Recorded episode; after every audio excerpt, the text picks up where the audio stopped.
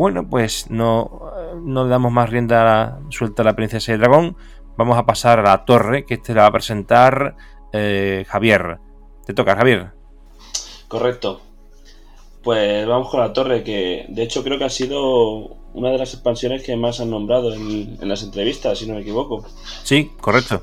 ¿Qué tenemos en, qué tenemos en la torre? Eh, para empezar nos vamos a encontrar con 19 losetas nuevas.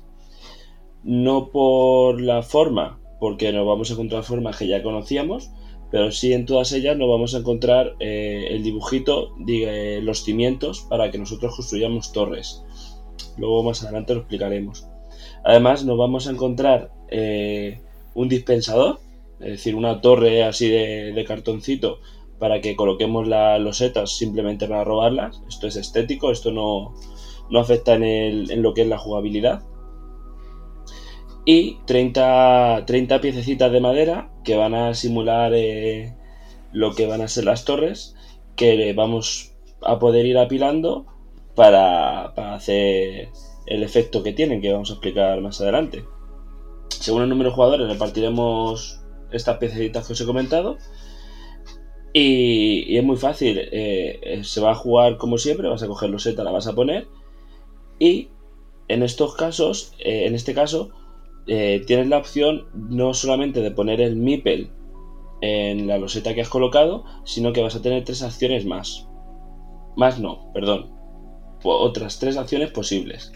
Si no queremos poner el MIP en la loseta que hemos colocado, vamos a tener la opción de poner en esta loseta que os he comentado que vienen nuevas, empezar una torre, es decir, colocar una, sección de, torre.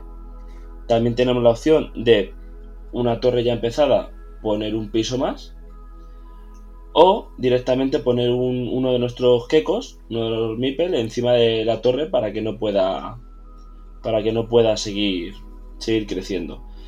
¿Qué nos va a hacer el poder poner la torre, o sea, la pieza de torre, o poner el, el, MIPEL?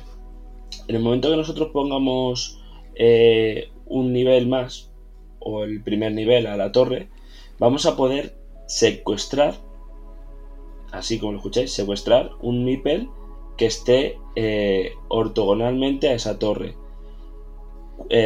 ¿Cuántas losetas tenemos de distancia? Según el número de pisos que tenga la torre. Es decir, si tenemos una torre de. ponemos el segundo piso, la segunda piececita, vamos a tener tanto en horizontal como en vertical, nunca en diagonal, importante esto, eh, tantas losetas como, como pisos tengamos. Eh, ¿Qué ocurre si, si capturamos eh, un MIPEL de un, de un enemigo, nos lo vamos a llevar a nuestra reserva. No lo vamos a poder utilizar como tal, pero va a estar secuestrado. Es decir, le estamos quitando eh, a, un, a un enemigo, un contrincante, un MIPEL colocado y se lo estamos anulando totalmente. Eh, también lo que podemos hacer es colocar el, el MIPEL en la parte de arriba de, la torre para que diga, digamos, esta torre no, se construye más. Ese MIPEL, personalmente, lo vamos a perder, pero sabemos que no nos van a poder atacar más si alguien lo quisiese, quisiese ampliar. Sí que es verdad que este MIPEL lo podríamos volver a perder con ataque de otra torre que estuviese en la misma línea. Pero bueno, esto ya son, son cosas que mejor es meternos demasiado en materia. Eh, es cierto que también tenemos la opción de, recuperar esos, esos secuestrados. Eh, una parte, por, un, por una parte podemos pagar un rescate por ellos, es decir, eh, la persona que tenga tu MIPEL le puedes regalar 3 puntos, tú te bajarías 3 puntos y, en el marcador y la otra persona se subiría 3 y de esta manera tú podrías recuperar tu, tu, tu. O en el caso de que eh, imaginemos que tú eres el jugador verde y el otro es el azul, si el, otro tiene un, un Mipel tuyo, un verde, si tú le capturases uno suyo, digamos que tendríais que devolveros los Mipel y hacer el intercambio. Estas son las dos maneras que, que tendríamos de, recuperarlos. Y, eso es la mayoría, en mayoría, en mayor parte lo que, lo que nos da esta, esta expansión. Sí que es cierto que aquí aparecen aparecen nuevas, alguna loseta nueva, como la que nos ha comentado Héctor en la expansión anterior, en la que tenemos un, un tubo y por debajo teníamos un, teníamos un camino que se metía por dentro, este tenemos un camino que pasa por encima de la ciudad. Por lo demás, yo creo que, que sería así un resumen, un resumen de lo que tiene la expansión. Vamos a darle el turno a, a Héctor, por si quiere matizar alguna cosa o añadir. Bueno, ahí eh, básicamente aquí eh, eh, esta expansión es como un poco como la parte del dragón de la princesa que puedes capturar Mipel y quitar y recuperar Mipel o tú recuperas Mipel si son tuyos o, capturas del otro, ¿vale? Y provocas ese bloqueo, digamos, de Mipel mientras no haya un intercambio, si porque puede ser si tú has capturado, por ejemplo, yo te, he capturado un Mipel Joaquín y tú me has capturado uno mío, en el momento que yo se produzca que cada uno tenga un Mipel del otro, se intercambian. Entonces digamos, como que detienes o, dejas congelados esos MIPEL hasta que alguien te, te, captura eh, uno de los tuyos o bien porque pagas el rescate, lo cual digamos que que está bien porque mm, toda la partida un poco está pendiente de ahí a ver dónde coloco las torres de tal manera que, porque son armas de doble filo, que no me afecten a mis meeples, pero yo puedo afectar a los de los demás. Entonces estás haciendo ahí como el juego de, la, de las ocho reinas, ¿no? Un poco colocando ahí los, las torres de manera estratégica y luego pues obviamente tienes ahí todo el tema de los pisos, los bloqueos y puedo sacrificar un MIP para ponerlo ahí y um, es bastante bastante interesante. Luego lo que hemos comentado lo del dispensador, eh, no lo hemos comentado, la, la bolsa de la generalmente tú al final de la partida estás jugando poniendo pilitas de preparas pilas de, de, losetas. En la expansión 2 había una bolsa que puedes meterlas y, removerlas todas y sacarlas al azar y aquí tienes la torre como dispensador, ¿no? Lo cual también es cómodo pues, porque puedes circular por a los participantes de la partida, a los oponentes, le vas pasando la torre y, van cogiendo losetas y no tienes que estar ahí estirándote para coger cosas de la mesa. La princesa y el dragón no traía nada, ¿no? No traía bolsa ni nada, ¿no? No, no. Eso ya traen su, todos los MIPEL.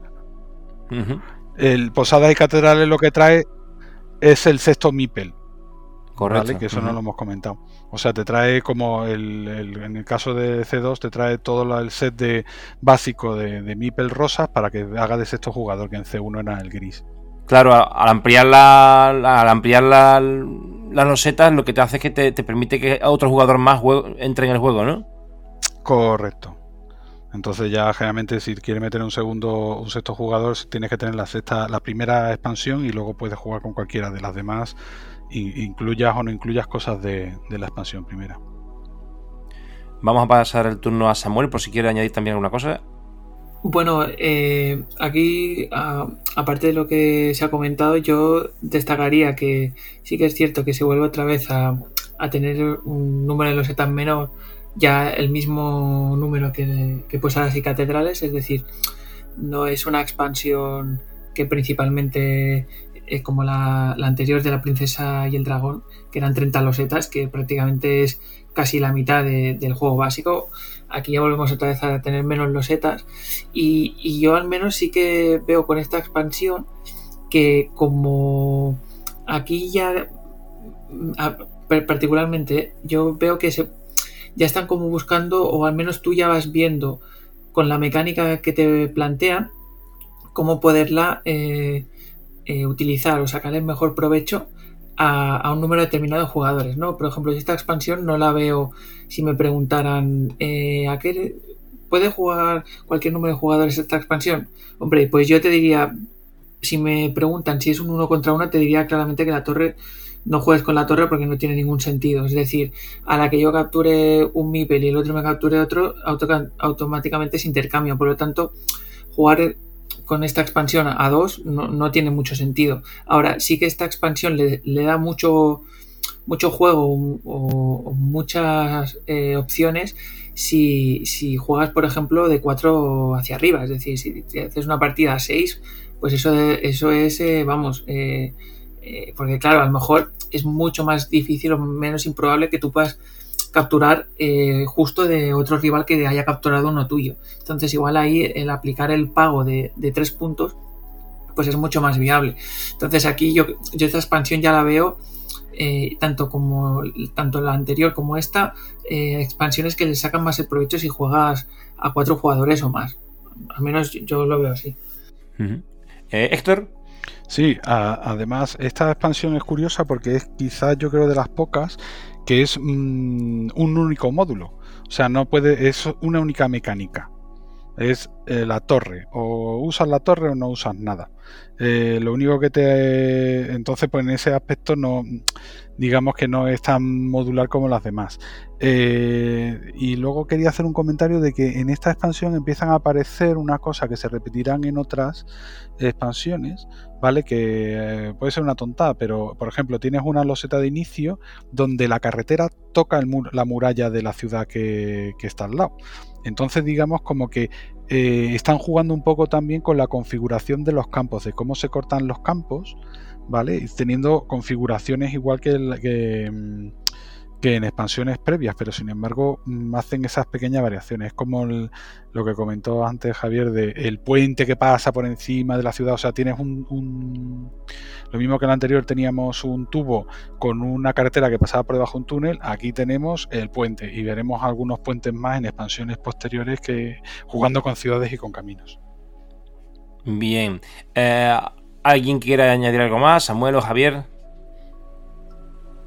Nada. Por mi parte, no. No. De acuerdo.